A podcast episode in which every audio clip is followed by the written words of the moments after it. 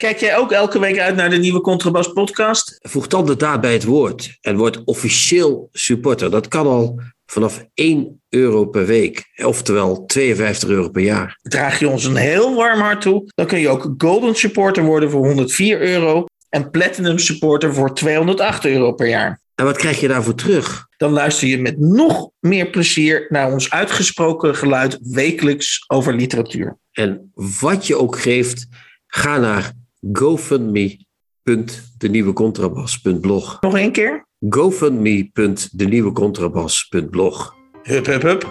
Hup.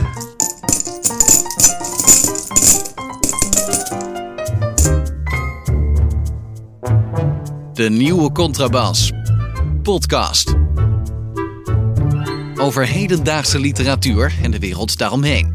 Met Chrétien Breukers, een elitaire Limburger. En Hans van Willigenburg, zomaar een Zuid-Hollander. Ik kan er niks aan doen, Kretje. Eh, De agenda schreef voor dat ik deze week eh, iets ga doen wat de, de meeste mensen in Oostenrijk doen rond deze tijd eh, van het jaar. En dat Dus is, eh, en dat is oude kerken bekijken. dan ga ik het misschien dan de volgende keer doen. Ik vind het niet eens zo'n gekke suggestie. Nee, het, het, het, het, heeft, iets met, eh, het heeft iets met bergen en, en, en, en latten te maken. Maar eh, Ah, Schlittschuhfahren. Ja. ja, zoiets. ja. Ehm Toll. Toll. Dus Ja. ik kom vanuit Oostenrijk dit keer. Dus als, als ik rare dingen doe, dan ligt het aan Oostenrijk, niet aan mij. Eh, Dat, dat wil je wel van me geloven, toch? Alle dingen in de Europese geschiedenis die fout gaan, die liggen aan Oostenrijk. Dus dat is zo, ja. ja. Eh, eerst even de stand van de donaties. Eh, ehm, Het gaat als- omhoog. Ja. Ze gaan omhoog. Eh, alleen als ik het een beetje hoofdrekenen toepas op de huidige stand van zaken, dan, dan zitten we op ongeveer 1 op de 20 luisteraars. En dat er dus 1 op die 20 eh, de daad bij het woord voegt. Daar zit Ja. verbetering in, hè? ja, en daarom moeten wij ook iedere keer tegen die mensen zeggen: mensen, het is allemaal mooi en aardig. Maar voor niks gaat de zon op. Dus ik zou zeggen: eventjes naar de app, in de telefoon, een donatiemoment. Het is zo gebeurd. Het kan zo makkelijk. GoFundMe.denieuwecontrabas.blog. Wie houdt je tegen, toch? En wij willen ook niet door mensen die niet gegeven hebben op de schouders geklopt worden van leuke podcast, jongens. Eerst geven, dan op de schouders kloppen. Ik wil niet meer op de schouders geklopt worden door mensen die zeggen van, maar ik geef er niks aan. Want dat doen we niet. Nee. Goed, maar dan gaan we even, want er zijn natuurlijk al een aantal mensen die gedoneerd hebben. En die, eh, Ja, en die, ja, ja, fantastisch. En die hebben, die hebben ons ook van, eh, van, van, van, van, van, van tekst en uitleg voorzien. Dus eh, eh, geef eens een indruk van wat mensen ons laten weten. Ja, we hebben drie eh, nieuwe mailtjes die we mogen voorlezen. Want er zijn ook mailtjes die we niet mogen voorlezen. Eh, we hebben een mailtje van Pieter Drift. eh, eh, een vaste luisteraar. Heeft gedoneerd en hij zegt: Elke week kijk ik er weer naar uit. De mannen hebben zich goed voorbereid, maar blijven klinken alsof ze het zo uit hun mouw schudden. Ze kunnen met passie afbranden, maar ook vol overgave bewonderen. Chapeau. Nou, dankjewel, Pieter. Toch? Dank Pieter. We hebben nog een eh, mailtje van Gert Bruins, eh, de, de man van, eh, voorheen de man van boekhandel Limerick in Gent. Nu werkt hij bij een brouwerij. Wij houden ons aanbevolen voor een eh, klein sponsormoment, eh Gert. Dus als je luistert, eh, de donatie is altijd welkom, maar een paar kratjes, daar staan we voor open. Gert zegt, goed gemaakt, interessant en met het hart op de tong. Een hart dat klopt voor literatuur en niet voor het geneuzel van de lecturitis. Hulde en diepe buiging. Lecturitis, dat is natuurlijk een soort van, ja, dat is het correcte geneuzel, zeg maar, als ik dat mag samenvatten. Dankjewel Gert, toch? Dank je. Of niet? Ja. En Mark Kloostermans. Mark Kloostermans uit Barcelona. eh, eh, was eh, recensent van De Standaard. Is nu zelfstandig schrijver. Hij schrijft een prachtige reeks detectives over conscience. Is ook hier in de podcast te gast geweest. Hij zegt, de literaire podcast over boeken die elders niet worden opgemerkt. Of juist te snel bejubeld worden. Een noodzaak in het literaire ahum landschap. Nou, fantastisch. Dankjewel, Dank. Mark. Dank Mark. Ja, dat zijn drie die we mogen voorlezen. Dus, nou ja, volgende week verder weer. eh, maar mooi toch, of niet? Uh, ik, ik, ik, ik, hartverwarmend, die, die, die mailtjes erbij. Uh, en en uh, als we op een gegeven moment één op de, van 1 naar, op de 20 luisteraars naar 1 op de 10 luisteraars gaan, dan, dan, dan, dan gaan we een hele uitzending alleen maar mailtjes voorlezen. dat zou mooi zijn, hè? ja. Fantastisch. Een thema-uitzending mailtjes voorlezen. Ja. ja. Um, eerste, eerste onderwerp op mijn lijstje is het ITA-festival. Ik had er nog nooit van uh, gehoord, maar Ik het heeft iets met internationaal. De I staat voor internationaal en de T staat voor theater. Ja.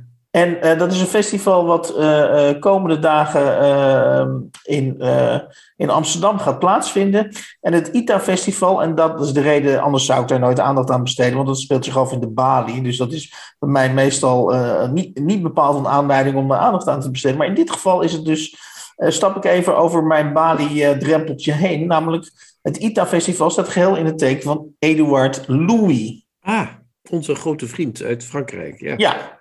En dat vind ik, uh, vind ik een uh, hele fijne keuze, omdat nou, mensen kunnen rustig terugluisteren in onze podcast. Eduard Louis, wat mij betreft, een soort licht in, in donkere dagen in, in de literatuur.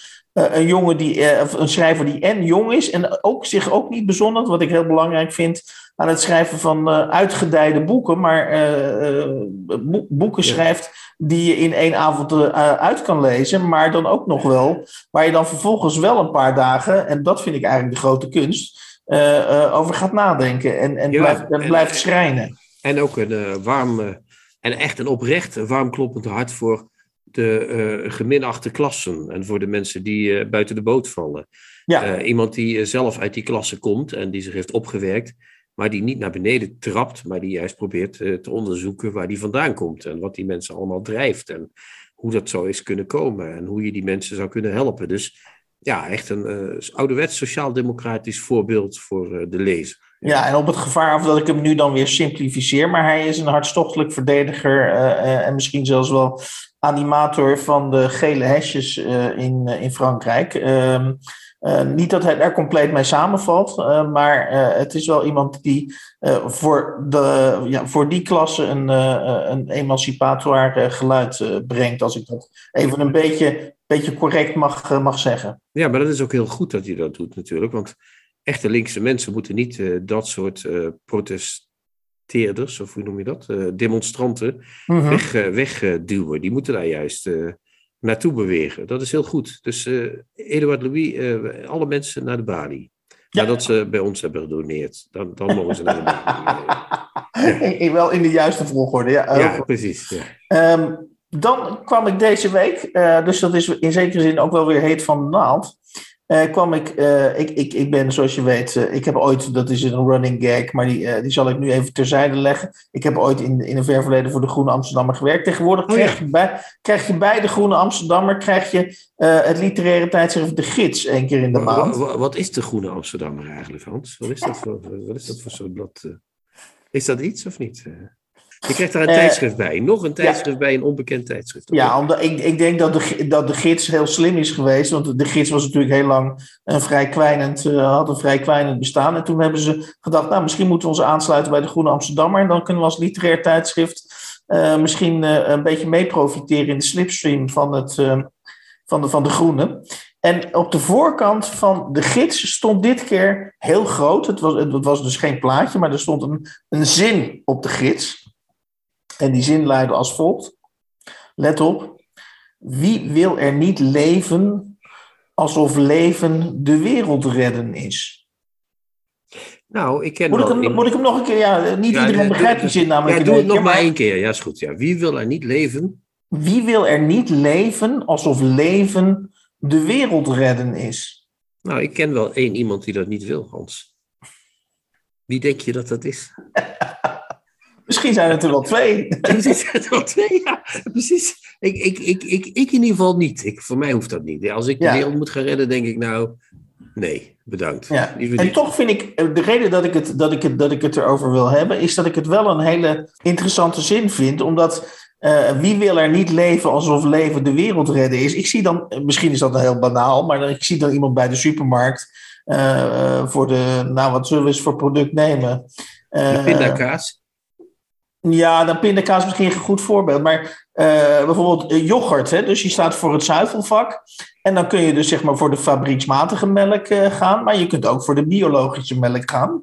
En dan kun je dus denken de van nou, deze, deze zin indachtig, ik wil leven alsof leven de wereld redden is. Dus met, met, met de biologische keuze red ik een heel klein beetje die wereld. En wat ik heel mooi vind aan deze zin is dat het in feite, eh, eh, je zou het als een briljante marketingzin eh, voor de komende, misschien wel voor de komende 30 jaar kunnen gebruiken. Ja, dat is waar, maar dan is het nog een valse zin, want de enige manier waarop je de wereld kunt redden is door de helft van de mensen niet meer te laten leven. Er zijn te veel mensen, Hans. Dat is, dat is het enige. Of we nou biologische melk drinken of fabrieksmatige melk, er zijn er te veel. Dus als de gids echt wil doorpakken, dan zeggen ze de helft van de mensen opzouten. En dan, dan moeten ze ook dus genoegen nemen met de helft van hun abonnees, vrees ik. Maar goed, dat is dan voor later zorg.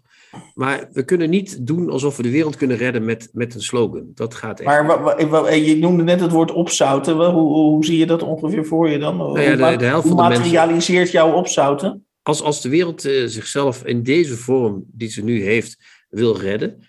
Dus eh, met hoeveel miljard inwoners heeft de wereld? Eh, Ja, dat is, dat is in, in 50 jaar verdubbeld, geloof ik. 7, Ja, heel- 7 8 miljard of zo. Ja. 7, 7 miljard, oké. Nou, 7, 8 miljard. Dan moeten er dus vier zijn. En dan kunnen wij zo verder leven als we verder leven.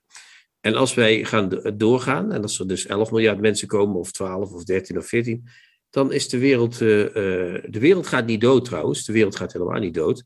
De mensheid gaat dan dood. En dan, eh, ja, dan houdt het op. Dan zijn we allemaal niet meer abonnee van de gids. Dat is ook heel mooi natuurlijk, want dat is ook een geruststellend idee. Eh, maar ehm, ik denk dat we daar toch echt mee moeten uitkijken met dit soort Ja. eh, kreten. Als we die kreten gaan eh, omarmen, dan wordt het een soort arme, dan wordt het ook een hele kale en schrale wereld. Wordt het dan. Ik ben het serieus over. Ik ben niet. eh, Ja, nee, maar ik, de reden nogmaals, en ik ga hem nog één keer voorlezen, want ik vind het wel een bijzondere zin, is dat ik denk dat het voor een nieuwe generatie uh, is het denk ik wel een zin die uh, tot de verbeelding spreekt. Sorry, ik raakte even de microfoon aan. Uh, ik dacht dat je nog... geëmotioneerd raakte, Hans. Oké. Okay, ja. Ik dacht dat je dus nog één keer die prachtige of die, ik vind het wel een. Ik, laat ik het zo zeggen, ik had hem zelf wel verzonnen willen hebben. Nog even los van de, van de politiek-filosofische strekking. Wie wil er niet leven alsof leven de wereld redden is? Goed, ik, tot ik niet, dus. Nee. nee. Um, dan had ik nog een, een, meer persoonlijk getinte vraag, uh. Kun jij je voorstellen uh, uh, dat jij op grond van jouw werk voor de nieuwe Contrabas podcast, um, dat jij binnenkort gevraagd wordt voor een jury? Of denk je juist dat, dat, dat jouw, werk hier juist garantie is dat je er nooit meer voor wordt gevraagd? Nou, dat laatste denk ik eerder dan het eerste. Um, kijk, als je in een jury zit, moet je niet uit de school klappen. Dat is één. En ik heb twee keer in de jury gezeten en ik ben twee keer uit de school geklapt. Dus ik vrees dat als een echte jury denkt van ja, moeten we breukers in de jury hebben, dan uh, gaan ze dat niet doen. Maar ik denk wel, en dat meen ik echt serieus, als een jury echt eens een keer een leuke tijd wil hebben, hè, een leuke jurytijd, dat ze dan zouden moeten zeggen van, laten we Chrétiennes vragen. Want dat wordt echt, uh, kijk, dan hebben, we tenminste, dan hebben we tenminste eens een keer een juryproces wat verloopt, niet langs de gebaande paden, Hè? Het is niet zo dat Rob Schouten erin zit of Jaap Goedegeburen en dat iedereen in slaap valt en op een gegeven moment is ineens een winnaar die ze hebben uitgekozen. Nee, met Chrétien krijg je echt een fantastische winnaar. Dat kan niet anders. Ja, maar je krijgt niet alleen een fantastische winnaar, je krijgt ook een fantastisch proces naar de winnaar toe. Het proces naar de winnaar toe wordt echt geweldig. Eh, Als je mij uitnodigt, jou erbij, Erik misschien ook, om de zaak een beetje technisch op te leuken, dan gaan we met z'n allen, dit, dit, dat juryproces wordt echt oneindig veel leuker. We zouden echt, we zouden een heel jaar lang bezig kunnen zijn met alleen maar prijzen uitreiken, Hans. En dan ook misschien een keer niet. We zeggen van, we hebben die en die geen prijs gegeven, want ja, die heeft al twee prijzen gehad. Sorry, die gaat er geen krijgen. Of die en die heeft een heel slecht boek geschreven. Die gaat echt nooit een prijs Oh, maar ik dacht, dat je, ik dacht dat je zou gaan zeggen dat we gingen bowlen en, en paintballen. Ja, en ja, ja, we gaan bowlen, paintballen. We gaan naar de allerduurste restaurants uh, die er zijn. Want uh, de jury's gaan niet eten in een uh, frietent, Hans. We gaan fantastische dingen doen. We gaan, en met die schrijvers ook. Hè. We gaan zeggen van, schrijvers, wij, wij, stoppen jullie nu in een escape room. En die, die er eerst uitkomt, die wint de prijs. Geen probleem. De Librisprijs wordt dit jaar gewonnen door de eerste die uit de escape room komt. En als die die, die nou, maakt niet uit wie het is, die krijgt de prijs. Hier, alsjeblieft, 50.000 euro. Oké, dus, dat- dus jij staat garant voor eigenlijk voor een totale transformatie eh, van, van het, van het, eh, van het Nee, van ik de sta- ik sta- prijs. Ik sta garant voor een totale jurybeleving. Dat is het, ja. Een, een, een beleving, Hans. Dat is wat de mensen willen tegenwoordig. Dat weet je toch? Oké, oké, oké. Eh, nou heb ik, eh, eh, en daar sluiten we deze intro Oh, eh, ik maar even- haat mezelf als ik dit allemaal hoor. Maar goed, oké. Ja, we, houden het, er- we houden het er gewoon in. We knippen het er niet uit. Het is verschrikkelijk. Tips van de week. Boeken, artikelen of pamfletten die boven het maaiveld uitsteken.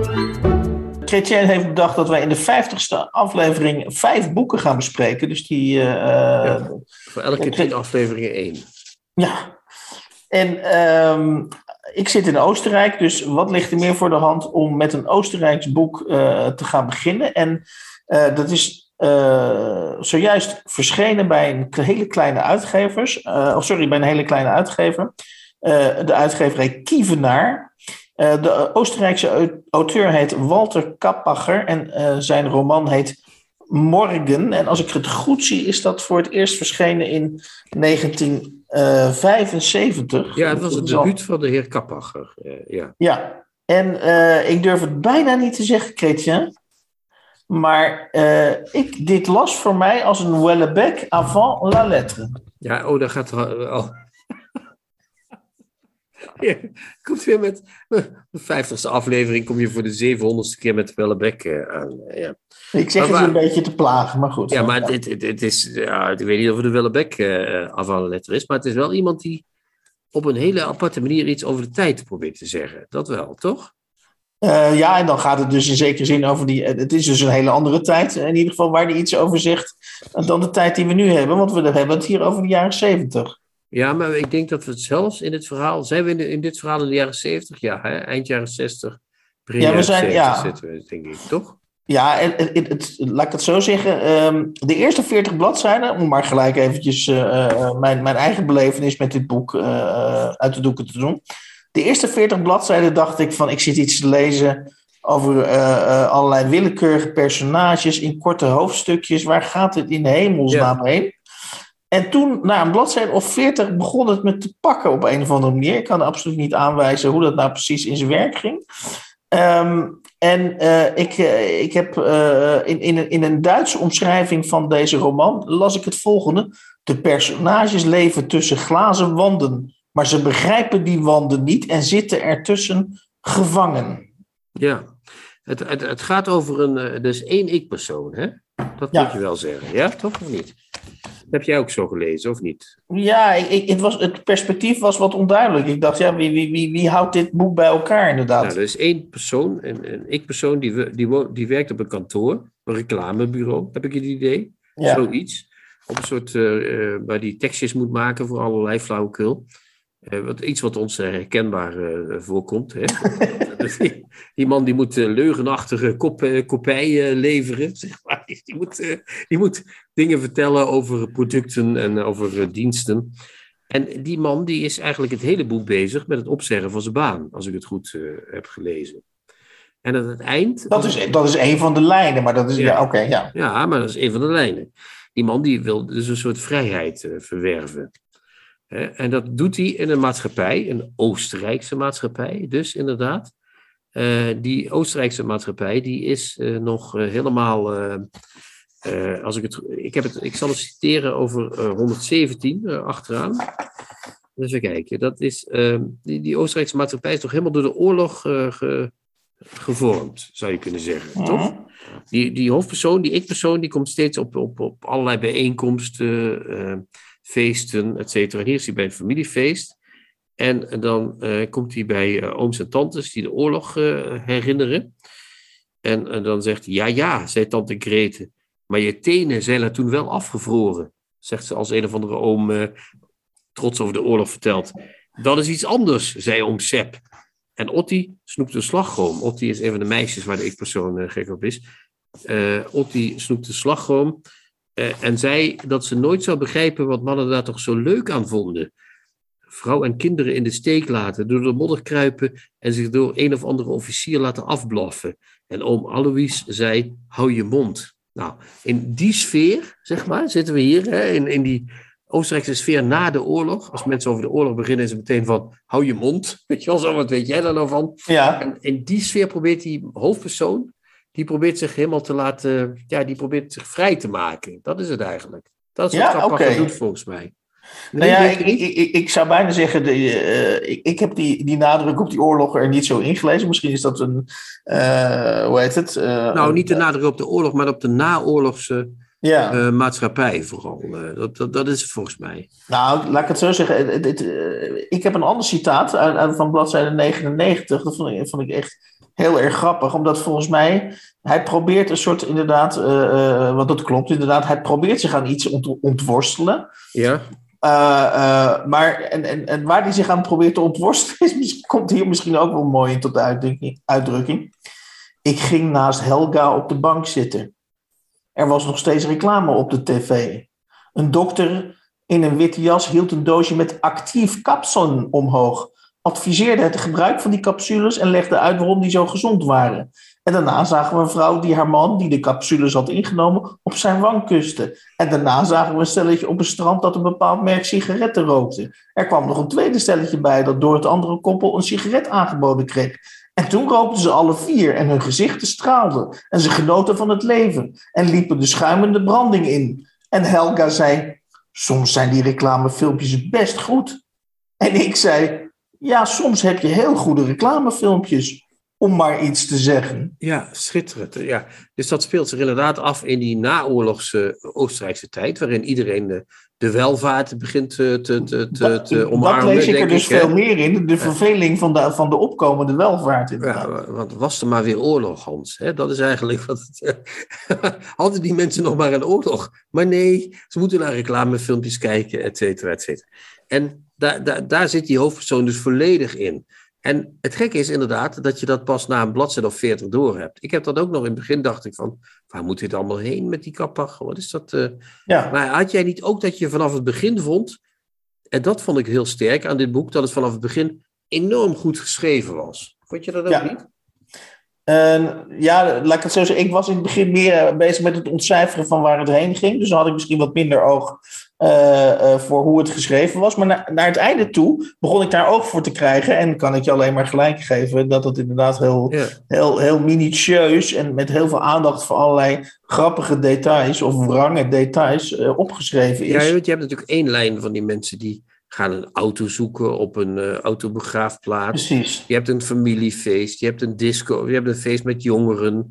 Eh, je hebt het, het, het, gedoe op kantoor, waar we net ook al iets van gezien hebben. Ja, Eh, al die lijnen zijn allemaal door elkaar heen, maar op een gegeven moment weet je precies van, ah, nu zitten we weer daar. En dat is, hij weet dat heel strak in de hand te houden, die uh, toch? Ja, en ik, ik moet eerlijk bekennen, en dan moesten- gaan we denk ik langzaam afronden bij dit, wat mij betreft, fantastische boek. Ja. Ik kreeg, ik kreeg heel erg de neiging om meer van Kappacher te willen lezen. Ja, ik heb ook wel eens een keer in het Duits, Dat is Vliegenpalast. Het is ook een fantastisch boek, is dat eh, gelezen. Dus Ja, en ik Ja. heb het net gezien, eh, dat zag ik op internet vlak voordat we zijn gaan opnemen, dat hij in 2020, en dat schijnt heel goed, heel populair te zijn, hij heeft, misschien heeft hij, ik zeg niet dat hij Hotel Europa heeft gelezen, eh, maar hij heeft, hij heeft wel het, het, het, het thema toerisme, heeft hij dus ook eh, eh, zich, zich, zich enigszins toegeëigend. En hij heeft een boek geschreven in 2020, dat heet Touristomania. Eh, Touristomania.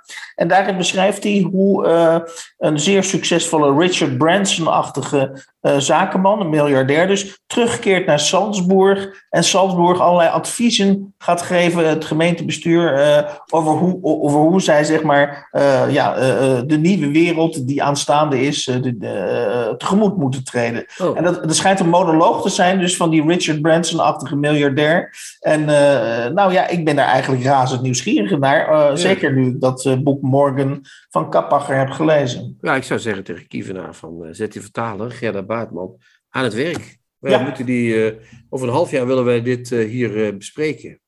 We gaan dan nu, volgens mij, Hans, naar de grote drie. Wie zijn dat? Weet je dat nog? Oh jee, Reven Hermans en Moelies, toch? Ja, we hebben hier een boek voor liggen, Hans, van Reven. Gerard Reven. Ja, We kennen hem allemaal nog, hè? Gerard Reven, de grapjas, de racist, Het, het, het, het, het geweten van de natie, de katholieke meneer. Ja, jij zegt, even, jij zegt wel, wel dat het een boek van Gerard Reven is, maar als je het boek uh, Zeer Fijne Boy, want daar gaat het in dit geval over. Ja, dat is het, ja. Brieven uh, aan kun, je, kun je je afvragen van wie dat boek nu is? Ja, de, het, het, het, grootste gedeelte uh, bestaat uit brieven van Gerard Reven, maar zowel in de inleiding als in de verantwoording zijn er ook een heel aantal andere mensen die aan dit boek hebben meegewerkt. Maar goed, ja, laat ik je niet op voorhand in de wielen rijden. Nou ja, je, je, je geeft wel een belangrijk punt aan. Uh, het begint met een inleiding door chef Rademaker. Uh, heet hij Rademaker? Ja, chef Rademaker. Ja, dat, dat is een de, de televisiemaker. Hè? De man die ons de pin-up club uh, schonk. Maar ook klasgenoten, om maar een minder ja. uitgekleed televisie... Ja, er staat een enorm voorwoord in over chef, van Jeff Rademaker, waarin hij vertelt hoe hij aan die brieven is gekomen. Hij had contact met Gerard Reven. Hij had televisieprogramma's met hem gemaakt over Maria en over ja, klasgenoten heeft hij met hem gemaakt. Niet de pin-up club, daar heeft Gerard Reven dan weer niet aan meegewerkt, blijkbaar. Maar goed, dus dat, dat, dat, dat, dat hele voorwoord is een soort.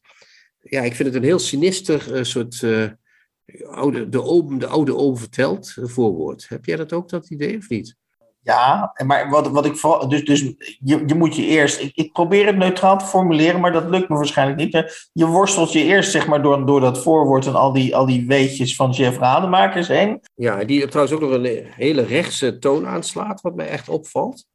Hij vindt dat al die uh, opmerkingen van, over Marokkanen vergeven, dat vindt hij eigenlijk wel een soort van. Ja, ja, zo erg was het allemaal niet, lieve mensen. Laten we niet zo. Hij heeft, hij heeft inderdaad een laconieke uh, ondertoon daarover, ja. En dan krijgen we de brieven van Reven zelf. Ja, maar dat is nog, nog niet alles, want elke brief van Gerard Reven, of bijna elke brief, wordt ook weer met een tekstje omgeven, want anders begrijpen we niet waar hij het over heeft. Ja, dat klopt ook trouwens, want we begrijpen echt niet waar het over gaat. Het zijn namelijk voornamelijk uh, uh, brieven waarin Gerard Reven uh, regieaanwijzingen geeft bij televisieprogramma's van, van Jeff Rademakers, toch? Ja. Dat is het. Dus wat, wat we hier hebben is een corpus brieven ingeleid door Jeff Rademaker. Ja. Is het nou Jeff Rademaker of Jeff Rademaker? Dat weet ik eigenlijk niet. Ik zoek het even op, lieve mensen, want ik voel, ik voel me toch een beetje... Hey. Ja, met een S. Jeff Rademakers. Ja, nou, Dan hebben we dus die brieven gelezen. Hè? Daar zijn we dan doorheen. Eh, naar een uh, heel uh, gedoe. Dat valt ook wel mee. binnen 90 bladzijden zijn we klaar. Dan krijgen we een nawoord van ene Matthias Daneels. Had jij Ja. ooit van Matthias Daneels gehoord? Nee, nooit van gehoord. Nou, die vertelt ook dat hij bij de Belgische versie van Klasgenoten werkte. Gerard Reven was bij de Nederlandse versie van Klasgenoten op televisie, maar de Belgische man van Klasgenoten schrijft ook nog een nawoord en die legt ons uit dat Gerard Reven toch een hele fijne schrijver is. Ja, dan denk ik, als ik dat gelezen heb, nou, aardig, leuk, bedankt, bedankt. En dan komt er nog iets, want dan, Ja, dan zijn we er nog niet, want dan hebben we de 100 bladzijden gepasseerd. En op bladzijde 103 komt er een nawoord van Christophe Fekeman. Ja. Christophe Fekeman is een grapjeschrijver uit België. Iemand die, ja, die vindt zichzelf grappig. Is ook niet onaardig, maar die gaat ook nog eens een keer uitleggen wat, wie Reven was. Dan denk ik, ja, sorry hoor, maar waarom moet dat, eh, wie, is, wie is Christophe Fekeman dat hij dat ons kan uitleggen? En dan zegt hij, ik, ik citeer gewoon het begin van zijn nawoord, Ja. het tweede nawoord alweer, hè, na een voorwoord en een bijschrift. Gerard Reven was een zoekende ziel. Een taster in het duister, die de wereld gewaar werd als een labyrinthisch oord van mysterie en die het bestaan ervoer als een niet doorgronden probleem. Nou Hans, sorry. Zitten we hier nou in de zondagspreek of zitten we hier in een nawoord van Ja. een boek?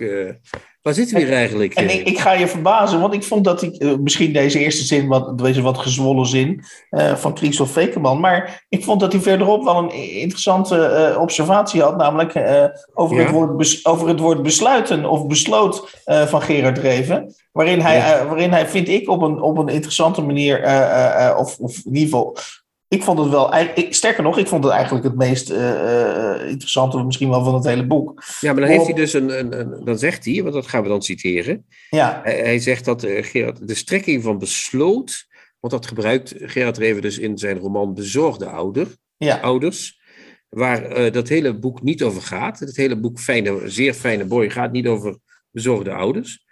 Hè? Dus dat, maar in dat nawoord staat dat. Dus de strekking van besloot is in bezorgde ouders altijd dezelfde als hier in dit fragment. En met name de dubbele betekenis van besluiten wordt door de verteller steeds weer op gelijke wijze uitgebuit.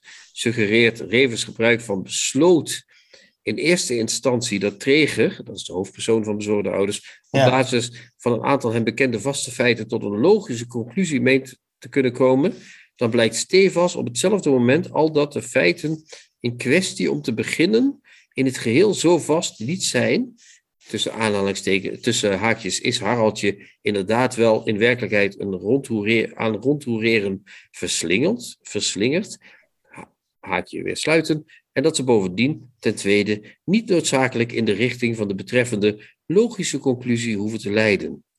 Hoezo zou bij nader inzien de keuze om rond te hoereren sowieso met angst te maken hebben? Hans, leg mij eens uit wat hier staat. Jij zegt dat het een logische conclusie is, maar ik eh, kom er niet uit. eh, sorry. Ja, wat, is hier, wat gebeurt hier, Hans? Dit is Nee, een nawoord bij een boek met brieven aan Jeff Rademakers, waarin Christophe Vekemans iets Ja. over de roman Bezorgde Ouders. Waar, waar zitten we hier in, Hans? In welk dubbelspel Nee, nee, nee. Kijk, je, bent, je, bent heel, je bent heel goed in het, in het, in het eh, kiezen van citaten die, die, die een auteur voorkomen. Hans, dit eh, was het halve boek dat ik voorlas. meer staat er niet in. In het hele boek niet. nee, volgens mij, ja, wat, wat, Ja, zeg maar. Wat is, Nee, nou, kijk, het mooie, of tenminste wat ik aardig vond in ieder geval aan zijn stuk, is dat hij, eh, eh, hij zegt geloof ik, eh, hoe heet het? Een, eh, hij noemt het stuk een eeuwig twijfelende eh, zekerweter. Hè? Dus Ja. eh, hij legt in feite uit dat, ehm, dat eh, Gerard Reven eh, eh, ten diepste irrationeel is en overal aan twijfelt, maar dat hij in zijn, in zijn optredens net doet alsof hij, net doet alsof hij in principe Ja, maar- weet op, el- eh, op elk potje, eh, of elk, elk dekseltje, of bij elk potje een dekseltje. ja, maar Hans, dat is toch een cliché van, van, van alle zekerweters zijn twijfelaars, Hans. Dat is toch, daar hoef ik toch helemaal niet het hele naamwoord van Christophe maar- Vekeman van, Dat is toch verschrikkelijk. Natuurlijk weet Gerard Reven niet zeker. Hij, zijn, zijn beroemdste gedicht begint met de zin... Eigenlijk geloof ik niets en twijfel ik aan alles, zelfs aan u. Daarmee bedoelt hij God. Ja. Eh, dus dat- dat- natuurlijk weet Reven niet alles. En, maar is dat, is dat dan een, een revelatie als iemand zegt van zeker weters twijfelen? Nee, dat is Nee, nee, nee, maar daar gaat het niet om. Maar het, ging- het, het, hij probeert dat, hij probeert dat, eh, eh, eh, dat beeld in, dat, in het gebruik van het woordje besluiten. pro- Probeert hij dat. eh, en dat vind ik. eh, eh, dus met andere woorden, Reven besluit gewoon aan de lopende band dingen. En op Ja. grond van. En, en, en dat vind ik wel een. Ja, op een bepaalde manier vind ik dat wel een. Kijk, als ik al die. Ik ben namelijk een, een, een driftig consument van allerlei oude fragmenten van Gerard Reven. Ik kijk er graag naar. En eh, eh, nu, nu, nu, ik dat, eh, die, nu, nu denk ik steeds als, als ik hem zie aan het woordje besluiten. En, en het, dus, dus hij besluit aan de lopende band Ja. iets dat iets op een bepaalde manier zo is. En dat vind ik, vond ik wel een mooie observatie, sorry. Nou, dat is geen lelijke observatie, dat klopt. Maar het heeft niks in dit boek te zoeken. Dit boek is een boek met. Er staat op het boek wat wij krijgen van, Mhm. van, van uitgeverij Borgerhof en Lambrecht. Staat Gerard Reven, zeer fijne boy. Mooie titel. Brieven aan Jeff R. Ja, En die brieven aan Jeff R. zijn het minimaalste deel van het boek. Dus wat, wat, wat de uitgeverij gedaan heeft, die hebben eh, contact gehad met, eh, want de man van eh, die uitgeverij die daar de baas is, ik ben even zijn naam kwijt, Sam de Graven of zo, heet die Sam de Graven of zoiets? dat Die is, die is van Woestijnvis en dat is een televisieproductiemaatschappij. Ik denk en dat die- ik weet waar je heen wilde. Hij heeft zoveel mogelijk mensen bij dit boek betrokken en dacht van dan kan ik er misschien daar nog wel wat kwijt. Nee, dat wou ik niet eens zeggen, maar dat heeft hij uiteindelijk wel gedaan natuurlijk. Maar hij heeft natuurlijk contact gehad met chef Rade, Rademakers, die hij kent uit, de televi- uit Ja, zijn televisiewereld. en, eh, en daar bleken nog wat brieven te liggen van, van Reven. Maar de brieven van Reven, die zijn tegenwoordig niet meer zo... eh, ja, niemand wil die meer hebben blijkbaar. Dat, dat blijkt wel, want anders waren die al lang uitgekomen. Ehm, dus hoe kunnen we dat doen? We gaan Reven eh, tot het niveau van chef Rademakers terugbrengen. We gaan Reven tot het niveau van die Daneels terugbrengen. Van die man van, van, van het televisieprogramma Klasgenoten. We Ja. gaan Reven tot het niveau Christophe Vekeman terugbrengen. En ehm, dus met andere woorden, Reven kan alleen nog maar verkocht worden als die wordt teruggebracht tot ons niveau. Het gewone. En dat vind ik echt heel chockerend. Dan denk ik, ja, is Reven nou groot schrijver? Of is Reven een groot schrijver voor drie of vier mensen die nog uh, weten wie die is? Of die, die daar nog. Uh, ja, ik denk dat, ik denk dat de, de, de conclusie moet zijn: hij was een groot schrijver. En anno 2022 uh, moet je, als je zijn brieven, als je, ze, als je nog brieven van hem wil uitgeven. en, je, niet, en je niet als uitgever linea recta het schip in wil gaan. dan moet je er een beetje, moet je er een beetje ja, versiering omheen doen. Ja, maar dat is dus eigenlijk. Dat, dan had dit boek niet moeten verschijnen. Gewoon.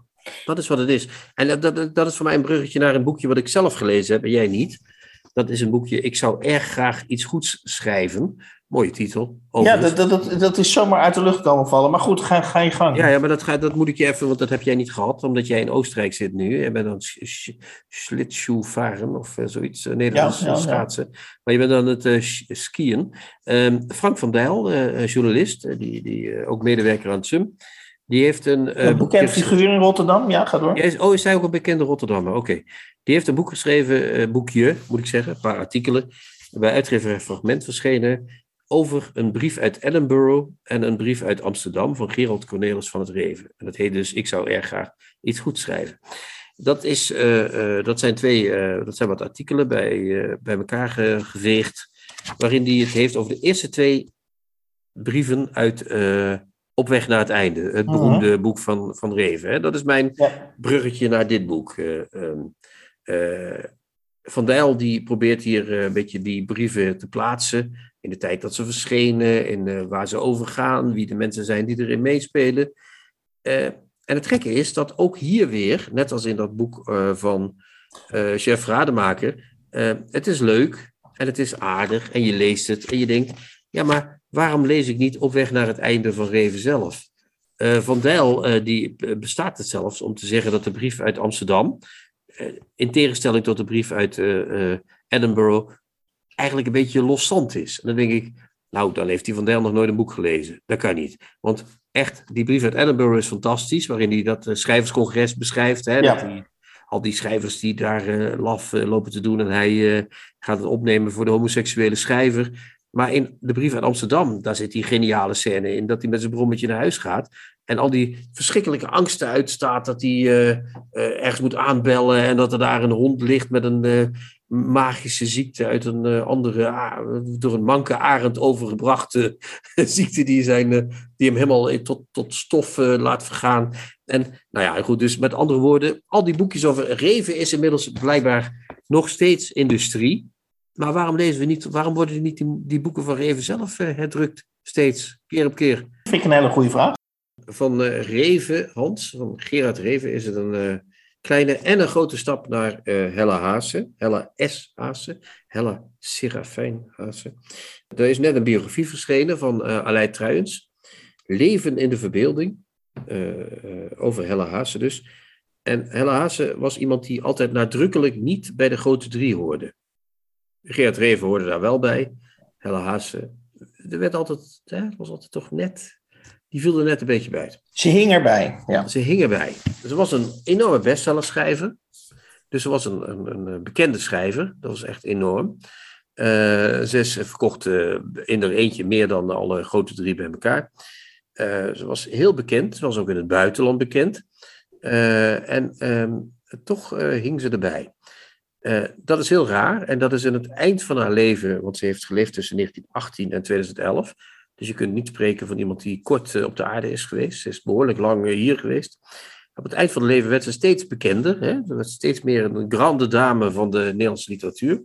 Je kon op een gegeven moment de televisie niet meer aanzetten of Hella Haas kwam in beeld. Je kon de krant niet meer openslaan of hup, daar kwam Hella Haas alweer tevoorschijn.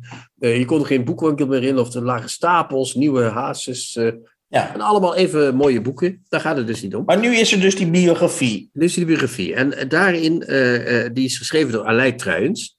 En uh, wij kennen Aleid Truijens als criticus van uh, NRC, volgens mij, of niet? Nee, van de Volkskrant. Zij is, van de Volkskrant, ja, ja, van de Hij is columnist van de Volkskrant en schrijft al eindeloos lang over onderwijs. Maar dit geldt terzijde, ja. Over onderwijs ook, oké. nou. nou, dan heeft ze toch een bocht gemist hier. Want ik vind dat die biografie en ik ben gek op biografieën, ook al weet je altijd hoe ze gaan. Iemand wordt geboren en iemand gaat dood. Hè? Veel meer is er niet, eh, veel meer smaken zijn er niet. Want ja, anders hoef je geen biografie te schrijven over iemand. En, maar ik mag graag lezen hoe dat uh, zit met een oeuvre van iemand. En Aleid Truijens komt hier toch een beetje met een, een koffertje vol oude meuk aanzetten. En dat is jammer. Ik zal vertellen hoe dat zit. Um, in het boek vertelt zij dus over onze national uh, treasure Helle Haase, die in Indië, in ons Indië nogans, hè, dat, toen dat nog bestond, is opgegroeid. later naar Nederland ging. toen begon de, voor de oorlog kwam zij hier studeren. Toen brak de oorlog uit, haar ouders naar het Jappenkamp, toestanden, toestanden, ja, toestanden. Ja, ja, enzovoort, enzovoort. Na de, ja. Want jij, hebt, jij hebt iets tegen die biografie, eh, dat proef ik. Dit, dit wordt een opmaat naar, naar, naar, naar een klacht. Nou ja, dus uh, het oeuvre van uh, Haase, dat zich van Oeroeg, uh, haar debuut, min of meer, iets min of meer haar debuut, net niet, tot, tot al die mooie boeken zoals De Heren van de Thee uitstrekte dat, dat is een, eh, eh, een, een echt een, een, een, iconisch oeuvre, zou ik willen zeggen. Ik ben zelf geen groot fan van haar, maar toch ook wel. Ik zie precies wat het is. Het is echt een geweldig oeuvre. Uh, en Aleid Truijens hangt haar hele biografie op, min of meer aan het feit dat Helle Haase een gezinsleven had. En dat ze daarmee anders was voor de kinderen dan ze uh, uiteindelijk was voor ons, als uh, niet-kinderen van haar. En, en, dat probeert ze ons, een flink aantal pagina's, probeert ze ons dat duidelijk te maken. Ja, ze wil steeds maar zeggen van Hella, die hadden thuis heel moeilijk, het was allemaal thuis heel lastig. Ze had een man, en die man, dat was nog een ouderwetse man. Ja, vind je het gek? Die man die komt ook uit uh, 1918 of zo, dus die man die was hartstikke ouderwets. Dat was een rechter, dus die, die wilde dat Hella thuis bleef. En dat Hella gewoon niet de boeken schreef, maar dat hij gewoon koken voor de kinderen en koken voor de bezoekmensen die daar uh, komen. En, maar Hella, die had al heel vroeg iets van, ik ga schrijven, voor het huwelijk al iets van, ik schrijf, dus ik uh, ga mijn oeuvre maken. Dus Hella moest haar oeuvre afsplitsen van dat gezin. En dat was een enorm gevecht in die tijd. Is ook niet zo raar natuurlijk. Maar als dat nou echt het enige is wat je in die biografie kunt zeggen over haar, uh, dat is niet het helemaal het enige, ik chargeer nu, maar daar hou ik van. Maar het is wel zo dat trouwens het beeld weet op te hangen van een haase die getroubleerd is in de, de, verhouding tussen het gezinsleven en het oeuvre. En dan denk ik, ja, is dat nou echt het enige wat je over zo'n groot schrijver kunt zeggen? Iemand die dus uit het niets een heel oeuvre schept. Ja, die is toch niet alleen maar daarmee bezig, die moet toch ook andere kwaliteiten Oké, dus, dus, maar de meest logische verklaring voor deze invalshoek, waarvan jij zelf zegt, die is gechargeerd, maar uh, de verdenking, uh, je, la, je laat op tenminste, of je, je, zet lijnen uit om de verdenking te hebben, dat, uh, dat de biograaf, Aleid Truijens in dit geval, dus heel graag, of, of misschien iets te graag, de innerlijke strijd van Hella Haase tussen haar gezin en haar beroepsleven heeft uitvergroot. Ja, en ook nog eens een keer daarmee samenhangend een strijd tussen de arme vrouw, die geen oeuvre kan maken, de arme vrouw die dus een eindeloze rij bestsellers weet te produceren. Op een of andere duistere manier. En, en, en, en ze wil haar zwakker. Ze, ma ze maakt haar, ja, en de piepers. Zij maakt haar dus zwakker dan ze is in dat boek. Dat vind ik jammer. En dat, dat vind ik echt het grote nadeel van het boek. En, um, we hebben net en dat is uiteindelijk ook uh, onfeministisch, als je het zo zou willen zeggen. Ik vind, ik, vind, ik vind, als ik heel eerlijk ben, vind ik het, in, vind ik het invalshoek van Trouwens, onfeministisch, vind ik die. Ja, minder feministisch dan ze zelf wil laten voorkomen. Ze doet net alsof ze uh, uh, haast ze wil laten zien als kwetsbare vrouw uit de jaren 40, 50, 60, 70. Maar Haase was geen kwetsbare vrouw. Haase was een zeer zelfbewuste vrouw. Haase was al in de jaren 60 een beroemdheid op televisie. Uh, Haase was zeer charmant in gezelschap. Haase was welbespraakt. Haase was die kon alles, weet je wel. Die heeft haar man mm -hmm. ook het hele huwelijksleven in toom weten te houden. Dus zo, zo erg was het allemaal niet met die hazen. Maar trouwens, Wil met alle geweld, dat was een vrouw, hoorde niet bij de grote drie, want dat komt ook alsmaar terug, die jammerklacht. maar die was dus, die viel er dus buiten, dus was het, dat was omdat ze een vrouw was. Nee, Haase was een heel ander soort schrijver dan die drie schrijvers. En de grote drie, dat was een reclamestunt. Dat was natuurlijk een onzinnige reclamestunt waar we okay. vanaf moeten. Maar dat is, dat, Haase was een geweldige schrijfster op zichzelf. Dat was echt een geweldige schrijfster. Was dat. Ja, en voorziet u uh, deze, deze, deze boetade van een negatief aankoopadvies? Uh, Voor, of zeg niet, je van... Niet van Haase zelf, nee, nee, nee. Nee, nee, nee niet van Haase zelf, maar uh, misschien kun je, kun je zeggen van... nou, laat die biografie van, van Aleid Truijens maar links liggen. Nou, ik weet niet of je het links moet laten liggen, maar ik zou zeggen van.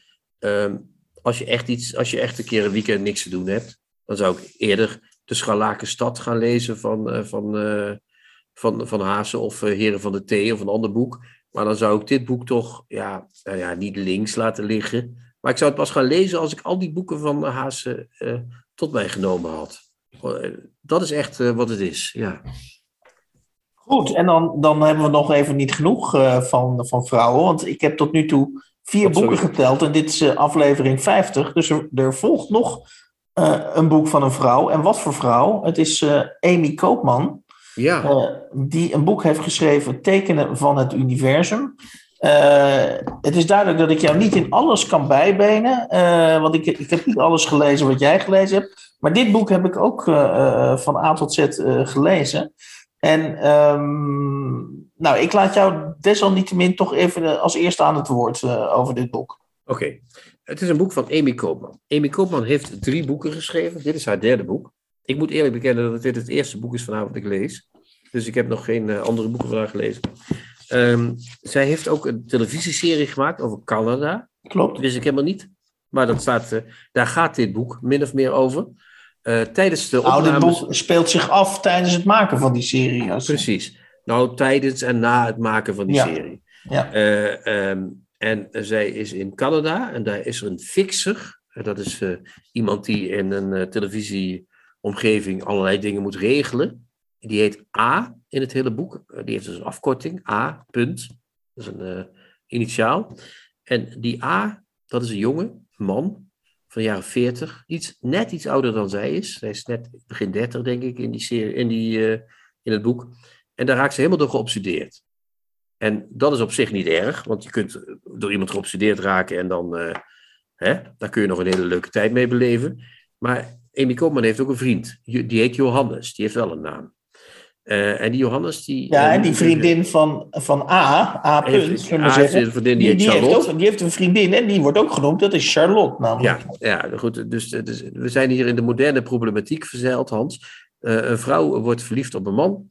Maar die man is gebonden en die vrouw is ook gebonden. Dat is het. Maar, dat, dat zou je nog kunnen zeggen van, nou ja, shit happens. Maar Amy Koopman raakt gefascineerd door die A. En niet een beetje, maar die raakt geobsedeerd door die A. Toch? Ja. En dat gaat heel erg... Uh, en daar begint het boek. En daar begint ook de vraag, is, wat, wat voor soort boek is dat? Want haar obsessie is niet zozeer dat ze een relatie met die uh, A wil. Helemaal niet. Want ze heeft een relatie met, uh, met Johannes. Mm -hmm. Maar ze wil wel iets met die uh, A. En ze probeert dat ook te krijgen. Dus ze gaat die A berichtjes sturen steeds. Maar die A die zit natuurlijk met die Charlotte. Dus die denkt, ja, moet ik wel iets terugsturen? Of die stuurt niet genoeg terug.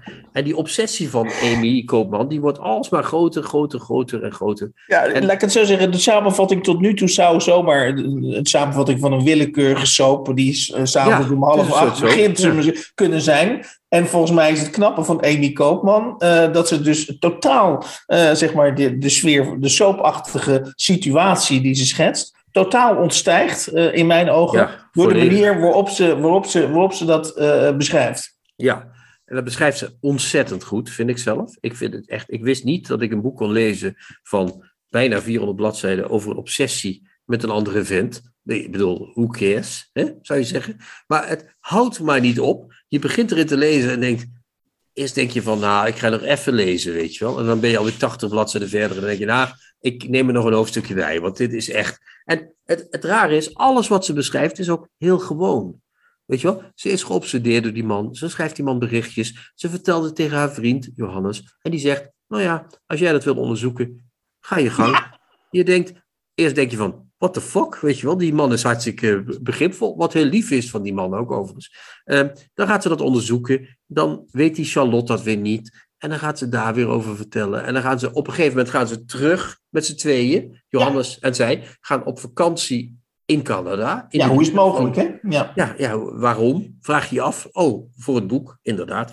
En dan, Nee, want ze, nee, nee, nee, Kreetje, je slaat iets heel wezenlijks over. Ze houden allemaal van elkaar en ze Ja, hebben ja, begrip. Voor, begrip voor elkaar. En dan kan het voorkomen dat ze, dat ze op een gegeven moment zeggen: Nou, laten we met z'n vieren gewoon gezellig eens naar Canada of, of, of bij elkaar gaan kruipen. Ja, Charlotte weet het nog niet de hele tijd. Hè? Charlotte is nog niet helemaal in de loop.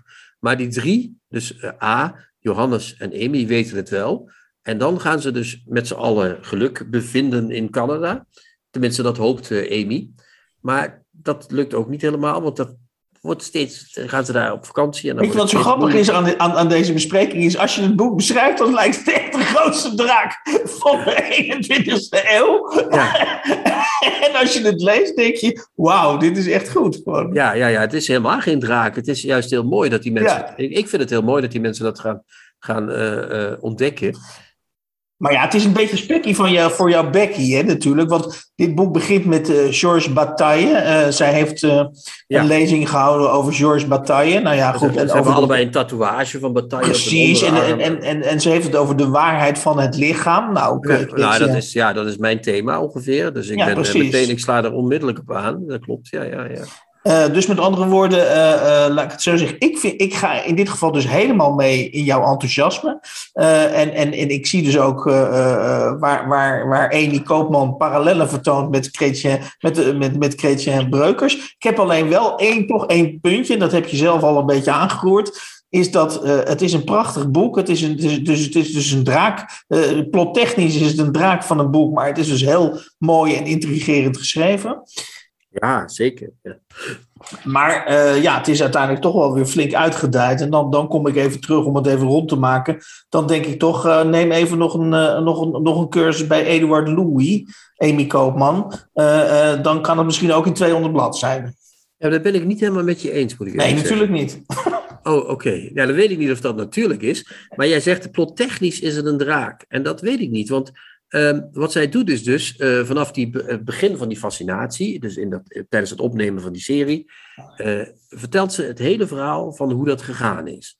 Dus van serie naar weer terug naar huis, in Amsterdam in dit geval, dan weer naar Canada met vakantie. Die hele vakantie wordt beschreven. Ja, ja, ja, en dat vind ik echt, dat vind ik heel knap dat ze zo'n hele vakantie weten te beschrijven, zonder dat je denkt, Jezus, slaat ze een dag over, weet je wel. Jezus slaat, want het is een obsessie aan ons waar we in zitten. Ja. We zitten in een obsessie. Ja. Dus alles wordt beschreven van of die wel of niet terugmailt en of die wel of niet terugberichtjes stuurt. En wat ze doet en wat ze aandoet en hoe die man van haar vriend reageert. Mm. De hele rimram wordt, juist omdat het een obsessie is, wordt dat beschreven. Ik snap het, ik snap het. Dan gaan ze weer terug naar Amsterdam. En je, wat zou je moeten overslaan uit dat boek om die obsessie niet, dat, dat, je kunt die obsessie alleen maar beschrijven door hem volledig te beschrijven. Dus plottechnisch zie ik geen probleem. Okay. En als ze het korter had gemaakt, dan wordt het een heel ander soort boek. Dan wordt het een roman, inderdaad. Het is nu een soort kruising tussen een roman en een memoir. Hè? Dat is wat het is. Mm -hmm. en, maar als het een roman was geweest, dan had je inderdaad kunnen gaan ordenen. Dan had je kunnen zeggen, nou, dat stukje over die Charlotte, dat dat zo'n knap meisje is. En dan 25 keer dat het zo'n knap meisje is. Wat bij iemand die geobsedeerd is wel past. Want die vindt natuurlijk die vriendin van die man. Is natuurlijk heel knap. En dan denkt ze, ja, Jezus, dat is ook nog een knap. Die is ook nog knap, klopt. weet je wel. Dat klopt, dat heb je goed gezien. En als ja. je dat gaat organiseren, dus je zegt het maar één keer. Ja, dan krijg je een roman. Dan weet iedereen, oh mijn god, het is ook nog een knappe ja. vrouw. Help. Hoe kan ja, dat? Ik heb, ik heb nog, nog om, niet, niet om, ja, misschien om een beetje te plagen, heb ik nog één klein kritiekpuntje. Ik ben helemaal bevredigd overigens over, ik vind dat je gelijk hebt, dat dit boek gaat over een obsessie. Een obsessie mag je best 25 keer zeggen dat uh, uh, jouw liefdesconcurrent uh, heel erg knap is. want ja, dat, dat, dat zit je dan dwars natuurlijk. Um, maar de titel van het boek, tekenen van het universum. Ja, fantastisch. Ik dacht even, Klazien uit, Zalk, uit Zalk is uit, ja. uit de as herrezen. Nou, dat is, Amy Koopman is ook een soort Klazien uit Zalk, denk ik. Maar het tekenen van het universum is natuurlijk fantastisch. Want een obsessie, als je, kijk, je komt iemand tegen. Dat is een fixer. Een fixer is helemaal niet zo'n hoge baan in de, in de, in de, nee, dat, in, de, in de filmwereld. Een knechtje. En, en die heeft een, een, een, een, een, een, tatoeage van bataille op zijn onderarm. En jij hebt dat ook. En dan blijkt hij is schrijver ook, hè? dat hadden we nog niet verteld. Hij noemt zichzelf schrijver. Hij heeft twee verhalen geschreven. Ja, ja. Uh, en zij is natuurlijk ook schrijver. Zij heeft al twee boeken geschreven als ze die serie maakt. Dit is haar ja, derde boek. Schrijf maar door. Uh, en dat zijn natuurlijk voor zij, iemand die geobsedeerd is, die ziet daarin tekenen van het universum. Dat is iemand die in detail geïnteresseerd is. Die, die is ook nog schrijver. Mhm. Mm -hmm. ik, ik ben voorbestemd om met die persoon ik heb weliswaar een vriend en daar wil ik ook bij blijven. Maar ik moet iets moois meemaken met die A. Want dat ja, maar het is, gewoon- het is, dat het is een teken uitgegeven door. Prometheus. En ik verdenk, eh, hoe heet die man ook weer van Prometheus? Eh, ik kom niet even op zijn naam. Mai Spijkers? Maar Spijkers, ja, die verdenk ik er toch van dat hij met dit boek en ook met deze omslag, met al die sterretjes en dat heelal, dat hij toch ook zeg maar, ja, zeg maar de, de, de, ja, hoe zou ik, de spirituele lezer hier nog eventjes in mee wil trekken. Gewoon. Dat zou kunnen. Dat die zou kunnen. spirituele markt ook nog even wil, wil aanboren. Nou, het mooie is natuurlijk dat, of, dat, dat, dat, dat zou kunnen. Maar het, het, het gekke is natuurlijk dat die hele generatie die onder ons zit, eh, als je dat zo kunt zeggen, dus mensen van tussen de 30 en 40, en dat is Mhm. Amy Koopman ook, die hebben dat hele, die hele spirituele kant ook een beetje. Hè? Die, zijn veel, die zijn echt anders dan wij, eh, Hans. Wij zijn nog die oude, doorgewinterde cynici. En wij zijn, ik niet meer, eh, ik ben inmiddels een soort van zachte peperkoek eh, figuur eh, geworden. Maar die, die hebben dat, dat spirituele, dat zit er een beetje in. Oké, Dus- En in die zin ben ik bang dat dat ook een generatiedingetje begint te worden, Hans. Dat wij, wij zien dat niet meer precies. En, ehm, en ik moet wel zeggen dat ik, wat ik van Amy Koopman wel wil zeggen, van dit boek. En we hebben het misschien niet genoeg recht gedaan, want we hebben het gehad over Gerard Reven, Grote Drie, Helle Haase. Mocht er nooit bij, maar was het eigenlijk wel. Mhm. Ik vind Amy Koopman echt, ik vind het verbluffend, vind ik het echt. eh. ik, heb, ik heb veel, eh, ik heb weinig, ik, we hadden het over ehm Cossery.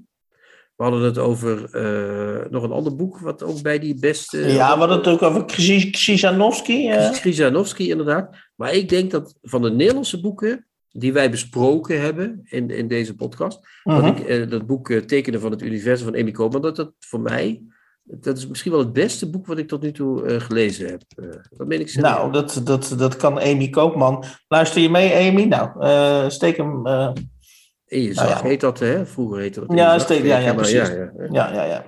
Maar nou, goed, laat ik het zo zeggen. Ik, ik, ik, ik, kan me daar de, ik kan me daar wel in vinden. En wat, wat, wat ik. Oh, een boek wat, wat mij ook ehm, eh, voor de geest kwam toen ik dit boek las. Was dat laatste boek van Auke Hulst. Wat eigenlijk ook over een obsessieve liefde gaat. Maar dat, dat, dat boek maakt dus allerlei zijwegen eh, in, in toekomstroman en allerlei andere eh, dingen. En eh, hoewel ik dus zeg maar de obsessieve liefde in dat boek eigenlijk het meest interessante vind. en, en, en Auke kan zeker ook heel erg goed schrijven.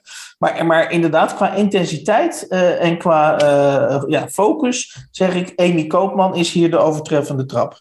Ja, zij, zij is veel beter dan eh, dat. In, in dit boek, hè, in dat boek van Auke Huls. Ik vind Auke ook een goede schrijver. Maar in dat boek eh, over, die, eh, liefdes, over die baby, die nagemaakte baby, hoe heet dat? Ja, sorry, ik ben slecht in titels. Netsuki Company, Baby Company. ja, daar kom ik ook even niet uit. Maar, maar, maar, maar- maar- maakt niet uit. de Mitsukoshi Troost Baby Company, ja. Die, de, daarin, als je dat vergelijkt, die twee boeken, dan is Koopman natuurlijk eh, verre, eh, dat, dat- dit staat daar verre boven, vind ik. eh, ja. ja Dat, en dat heeft te maken, en dat heeft ook met compositorisch, en dat heeft met schrijven te maken ook. Ja. Want ik merk ook, je merkt aan haar ook als ze zinnen schrijft, hè, hè, Koopman, de manier waarop ze die zinnen in elkaar eh, zet, eh, of de, de- de- dat zingt, en eh, dat hele boek, dat, dat, dat gaat ook, ze maakt lange zinnen, dat je denkt, jezus, weet je wel, hou eens op. Nee, dat gaat, maar ook die obsessie zit ook helemaal in... Lees me nog maar even wat voor. Ja. eh, tot, Ja, dat zit ik, ik zit even te zoeken. Eh, eh, dan is ze. eerst gebeurt daar niets, ook dan gebeurt daar niets. Dan begint de smalle rechthoek te gloeien. Het oranje wordt zo fel en stralend dat het vlam lijkt te vatten. Is er iets veranderd aan het TL-licht? Ik kijk omhoog. Nee, dit maken mijn zintuigen er zelf van. Als ik opnieuw naar het oranje kijk, is het uitgedoofd. Een dof feit waar al het leven uit is gezogen. Maar nu lijken het oranje en het grijze vlak naar elkaar toe te schuiven, los te komen van de paarse ondergrond. Plots breekt het blauw door, helblauw, fluoriserend, schitterend als tropisch water waar de zon op schijnt. Het is overal, het is oppermachtig, het stroomt naar binnen alsof het me probeert op te slokken. Dan is ze dus in een kunstwerk van eh Rothko, zit ze in een, in een, in een eh, eh, dichtgesloten hokje, daar mag je dan vijf minuten in.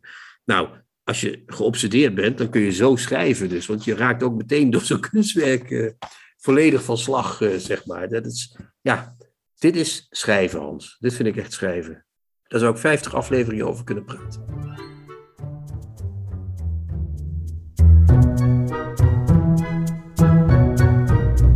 De nieuwe Contrabas. Podcast. In deze 50ste uitzending van de Contrabas podcast kwamen voorbij de roman Morgen van Walter Kappacher, oorspronkelijk verschenen in Oostenrijk in 1975 en uh, vertaald, uh, in vertaalde vorm uh, opnieuw uitgegeven door uitgeverij Kievenaar in 2021 en vertaald door Gerda Baartman.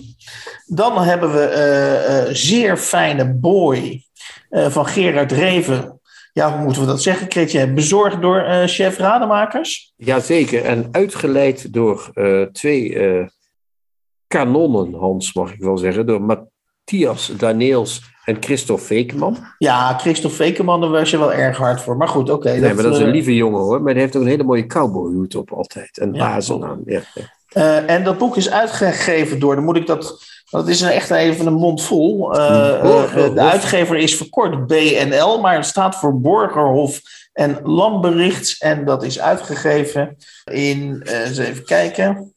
2022 volgens mij, of niet? Uh, er staat een jaartal bij. Nee, er staat geen jaartal bij. Wel achterin moet er, moet er ergens een jaartal staan, Hans. Wat is dit voor uh, Ja, er moet, er moet een jaartal in staan. Oh ja, hier staat het 2022 inderdaad. Precies, ja. En dan uh, waren we natuurlijk allebei uh, meer dan laaiend enthousiast, mag ik wel zeggen, over de roman. Uh, of nee, sorry, nee, het is geen roman. Boek, het is vers, een verslag van een obsessie. Ja. En dat onder de titel Tekenen van het Universum, geschreven door Amy Koopman. En dat is verschenen in 2022, vers van de pers, bij uitgeverij Prometheus. En Chrétien, ik, heb jou, ik citeer jou goed als jij zei verbluffend. Verbluffend. En een prachtig motto ook, Hans. Voor iedereen die lief heeft gehad en heeft verloren. Nou, Hans, dat zijn we toch allemaal, of niet? En dan hadden we nog een ander revenboekje, Hans. Dat was geschreven door Frank van Dijl. Dat heet Ik zou erg graag iets goeds schrijven. Dat is een motto wat Frank van Dijl zich ook wel eens kan aantrekken. Maar goed, dat zien we later wel weer. Dat is uitgegeven door uitgeverij Fragment in 2022. Het is een sympathiek boekje, maar je wordt er niet veel wijzer van. En dan hadden we nog als laatste Aleid Truijens, Leven in de Verbeelding. Hella S. Haase, 1918-2011. Uitgegeven door Querido. Verschenen in 2022 ook. Een biografie van een groot schrijfster. We blijven een beetje op honger zitten na het lezen van die biografie. Maar ja, we gaan ik, allemaal goed, Hella Als ik jou goed lees, was de, was de belangrijkste mededeling van deze biografie. En ik chargeer opnieuw, ze had een gezin. Ze had een gezin en daar had ze het moeilijk mee. En dat heeft Aleid gedaan. Maar we gaan nu nog dag zeggen tegen onze luisteraars, toch of niet? Ja. Mensen die gegeven hebben, dank u wel voor de gift. En de mensen die nog niet gegeven hebben, zo gemakkelijk komen jullie niet van ons af. We blijven zeuren totdat de overschrijvingen binnen zijn. En we eindigen zoals gewoonlijk met chin chin. Ciao, ciao. Bye bye. Kijk jij ook elke week uit naar de nieuwe Contrabas podcast? Voeg dan de daad bij het woord en word officieel supporter. Dat kan al vanaf 1 euro per week, oftewel 52 euro per jaar. Draag je ons een heel warm hart toe, dan kun je ook Golden Supporter worden voor 104 euro en Platinum Supporter voor 208 euro per jaar. En wat krijg je daarvoor terug? Dan luister je met nog meer plezier naar ons uitgesproken geluid wekelijks over literatuur. En wat je ook geeft, ga naar gofundme.denieuwecontrabas.blog. Nog één keer? gofundme.denieuwecontrabas.blog. Hup, hup, hup. Hup.